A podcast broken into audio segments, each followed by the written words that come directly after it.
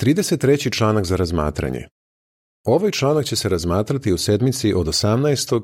do 24. oktobra. Pronađi radost u onome što možeš da pružiš Jehovi. Vodeći citat. Bolje je uživati u onome što oči mogu da vide, nego se voditi svojim željama. Propovednik 6.9 Pesma 111. Mnogi razlozi za radost. Kratak pregled. Mi mnogo volimo Jehovu i zato želimo da uradimo za njega sve što možemo.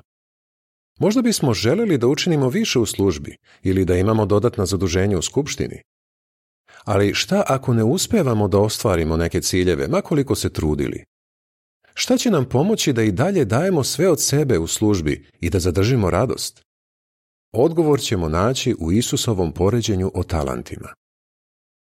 Prvi odlomak, pitanje koje ciljeve mnogi postavljaju da bi učinili više za Jehovu. Što je bliži kraj ovog sveta, imamo sve više posla. Svi se trudimo da služimo Jehovi najbolje što možemo. Mnogi žele da to čine u još većoj meri. Primjera radi, nekima je cilj da budu pioniri. Drugi bi voleli da jednog dana služe u Betelu ili da učestvuju u izgradnji naših objekata.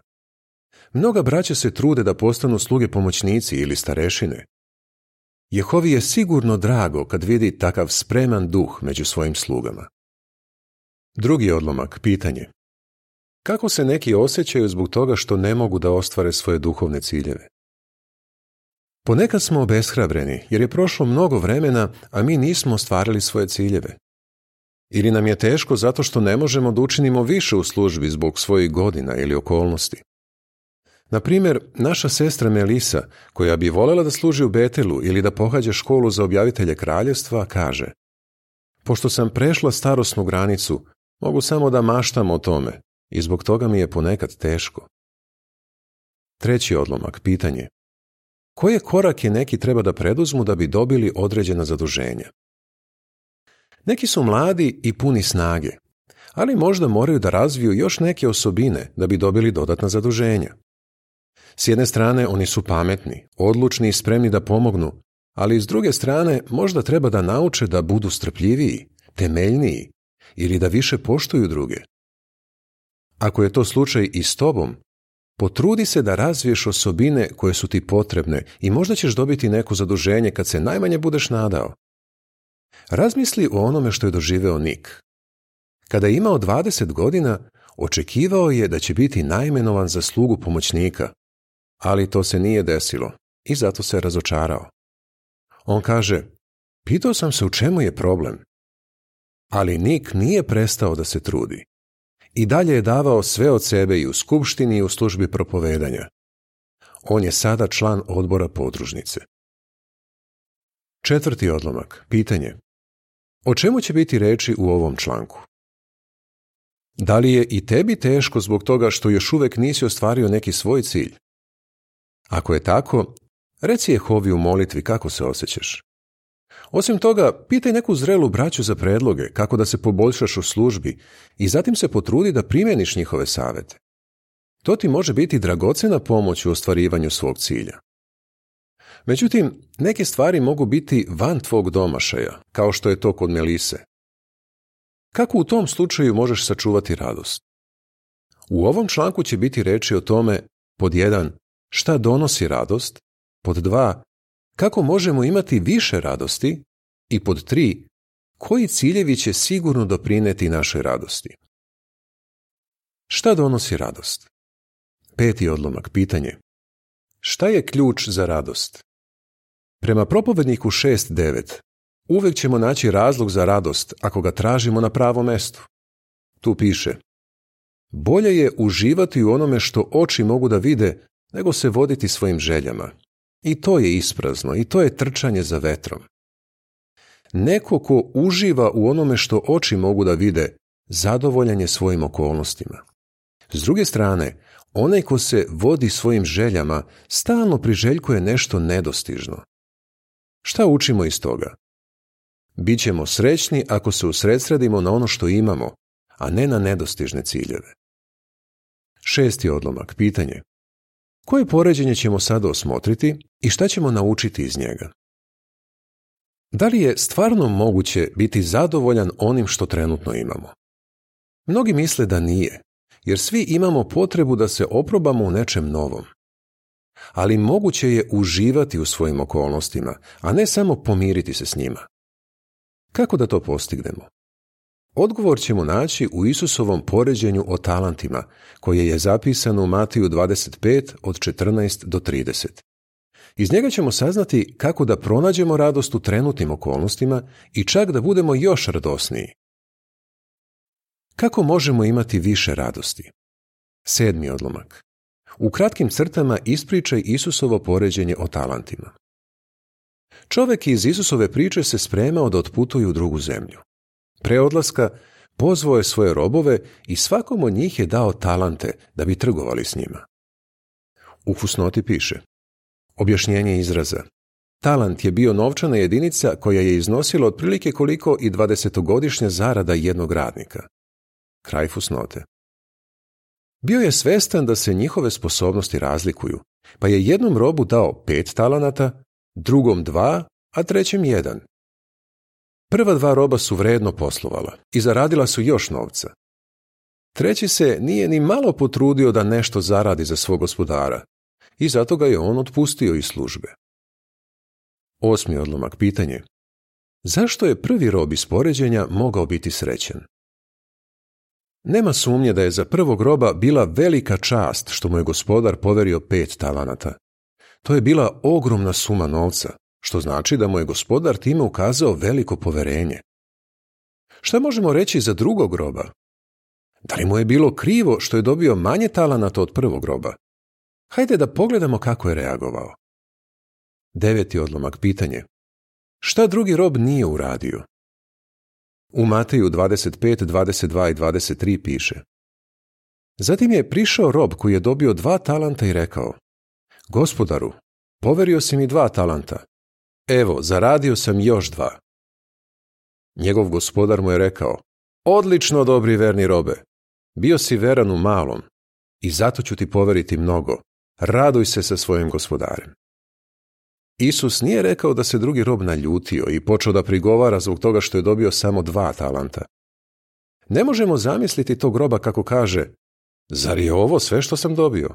Pa ja nisam ništa gori od prvog roba. Ako gospodar misli da nisam dovoljno sposoban, radit ću za sebe, a njegove talante ću zakopati. Deseti odlomak, pitanje. Šta je drugi rob uradio s talantima koje je dobio? Drugi rob je, baš kao i prvi, ozbiljno shvatio odgovornost koju mu je gospodar poverio. Vredno je radio i udvostručio je novac koji je dobio. Gospodar ga je nagradio zbog truda koji je uložio. Pohvalio ga je i poverio mu još veće odgovornosti. 11. odlomak. Pitanje. Šta će ti pomoći da budeš radosniji? Bićeš još radosniji ako svaki zadatak koji dobiješ obavljaš najbolje što možeš. Potpuno se posveti propovedanju i svim skupštinskim aktivnostima. Dobro se pripremaj za sastanke da bi mogao da hrabriš druge svojim komentarima. Potrudi se da što bolje izneseš svaki zadatak koji dobiješ na sastanku radnim danom. Ako te braća zamole da nešto uradiš za skupštinu, budi tačan i odgovoran. Nemoj podcjenjivati ni jedan zadatak koji dobiješ. Trudi se da se poboljšaš u onome što radiš. Što više truda ulažeš u ono što radiš za Jehovu, brže ćeš napredovati i bit ćeš radosniji.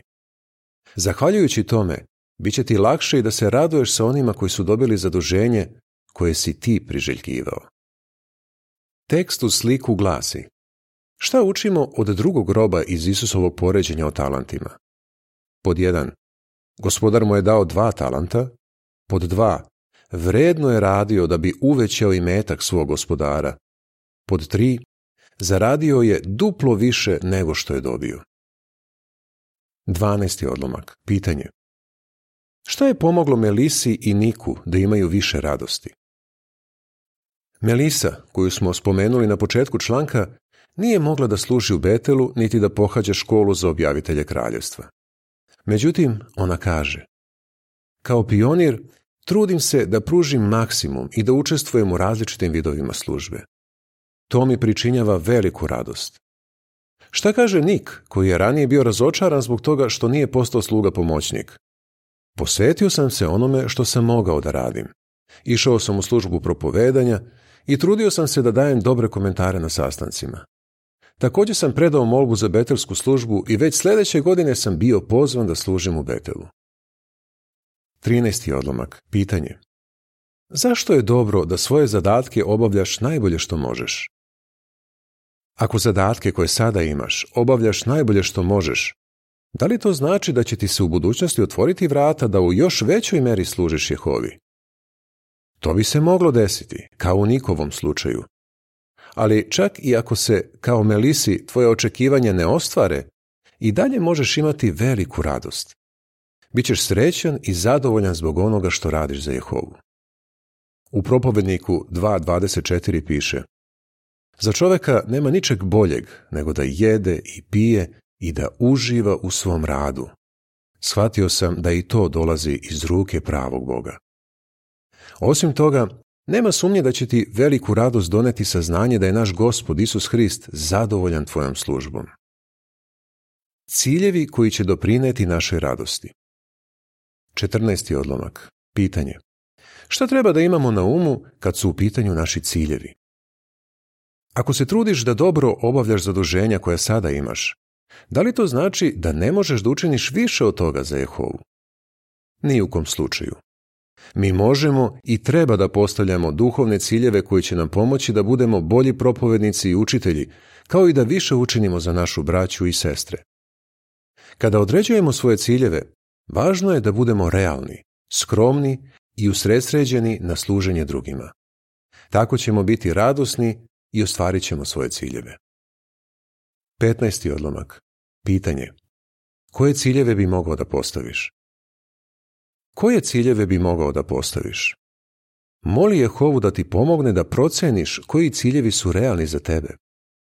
Možda je to neki od ciljeva koji su spomenuti u prvom odlomku ovog članka.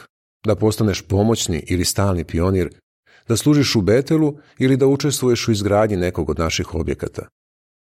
Možda bi mogao da naučiš novi jezik ili čak da se preseliš na područje gdje je potrebno više objavitelja. Da bi saznao koje uslove treba da ispuniš za to, možeš pogledati deseto poglavlje u knjizi Organizovano izvršavajmo Jehovinu volju i razgovarati sa starešinama u svojoj skupštini. U fusnoti piše Krštena braća bi mogla da rade na tome da ispune uslove za sluge pomoćnike i starešine. Ti uslovi se detaljnije razmatraju u petom i šestom poglavlju knjige Organizovano izvršavajmo Jehovinu volju. Kraj fusnote. Dok radiš na ostvarenju tih ciljeva, Tvoj duhovni napredak će biti svima očigledan, a ujedno ćeš biti i radosniji. 16. odlomak. Pitanje. Šta da uradiš ako trenutno ne možeš da ostvariš neki cilj? Ali šta ako trenutno ne možeš da ostvariš ni jedan od pomenutih ciljeva? U tom slučaju pokušaj da postaviš sebi neki drugi, dostižan cilj. Razmisli o sljedećim predlozima. 17. odlomak. Pitanje. Prema 1. Timoteju 4.13 i 15, kako braće mogu postati bolji učitelji? U 1. Timoteju 4.13 piše Dok ne dođem, posveti se javnom čitanju, posticanju i poučavanju. U 15. stihu piše Razmišljaj o tome, sav se tome posveti, da bi tvoj napredak svima bio očigledan. Ako si kršten brat, Mogao bi da postaviš cilj da budeš bolji govornik i učitelj. Zašto je to važno? Ako se trudiš da se poboljšaš u čitanju, držanju govora i poučavanju, tvoji slušaoci će dobiti kvalitetniju pouku. Da bi u tome uspio, prouči svaku govorničku veštinu iz brošure posveti se čitanju i poučavanju i primenjuj ono što si naučio iz nje. Proučavaj jednu po jednu, vredno vežbaj kod kuće, i trudi se da primjeniš date savete kada imaš neki govor. Znači će ti i predlozi pomoćnog savjetnika i drugih starešina koje naporno rade na tome da propovedaju Božju reč i poučavaju drugi o njoj.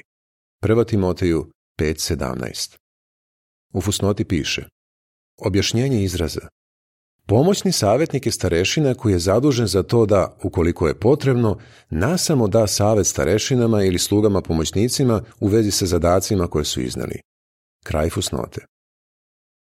Imaj na umu da cilj nije samo da ovladaš nekom tehnikom, već da ojačaš veru svojih slušalaca i da ih motivišeš da postupaju u sladu s onim što su čuli. To će doprineti i tvojoj i njihovoj radosti. 18. odlomak. Pitanje. Šta će nam pomoći da budemo vešti u službi? Svi imamo odgovornost da propovedamo i stvaramo učenike. Da li bi želeo da budeš još bolji u tome? Proučavaj brošuru Čitanje i poučavanje i postavi konkretne ciljeve. Još neke predloge kako da se poboljšaš možeš pronaći u radnoj svesci i video prezentacijama s predlozima za razgovor. Isprobaj različite predloge da bi video šta najviše odgovara tvom području. Ako budeš primjenjivao te savete, poboljšat ćeš se u poučavanju i imat ćeš više radosti u službi. 19. odlomak. Pitanje. Kako možeš razvijati osobine koje bi jedan hrišćanin trebalo da ima? Nemoj zaboraviti da je jedan od najvažnijih ciljeva da razvijaš hrišćanske osobine. Kako možeš ostvariti taj cilj? Recimo da želiš da ojačaš svoju veru. Mogao bi u našim publikacijama čitati članke koji govore o tome. Znači će ti i ako gledaš naše mesečne emisije u kojima se često govori o braći i sestrama koji su pokazali izuzetnu veru u različitim kušnjama. Zatim razmišlji o tome kako se možeš ugledati na njih. Sledi objašnjenje slika koje se razmatraju za odlomke od 17 do 19. Brat koji želi da postane bolji učitelj čita savete iz naših publikacija. Sestra koja je postavila cilj da neformalno svedoči daje kontakt karticu konobarici. Sestra koja želi da bude velikodušnija, iznenadila je drugu sestru poklonom. Tekst u slike glasi Koje ciljeve bi ti mogao da postaviš? 20. odlomak. Pitanje. Kako da izbjegnemo razočaranje i imamo više radosti? Nema sumnje da svi mi želimo da učinimo više za Jehovu. Međutim, tek ćemo u Božjem novom svetu moći u potpunosti da iskoristimo svoj potencijal u službi njemu. Do tada, iskoristi najbolje što možeš prilike koje imaš. Tako ćeš izbeći razočaranje i imat ćeš više radosti. Što je najvažnije, sve što budeš radio bit će na čast i slavu Jehovi, našem srećnom Bogu. 1. Timoteju 1.11 Dakle, pronađi radost u onome što sada možeš raditi za Jehovu. Kako bi odgovorio? Kako ti Isusovo poređenje o talentima pomaže da nađeš radost u onome što sada činiš za Jehovu? Kako možeš postati bolji učitelj? Koje još realne ciljeve možeš postaviti? Pesma 82. Neka vaša svetlost svetli. Kraj članka.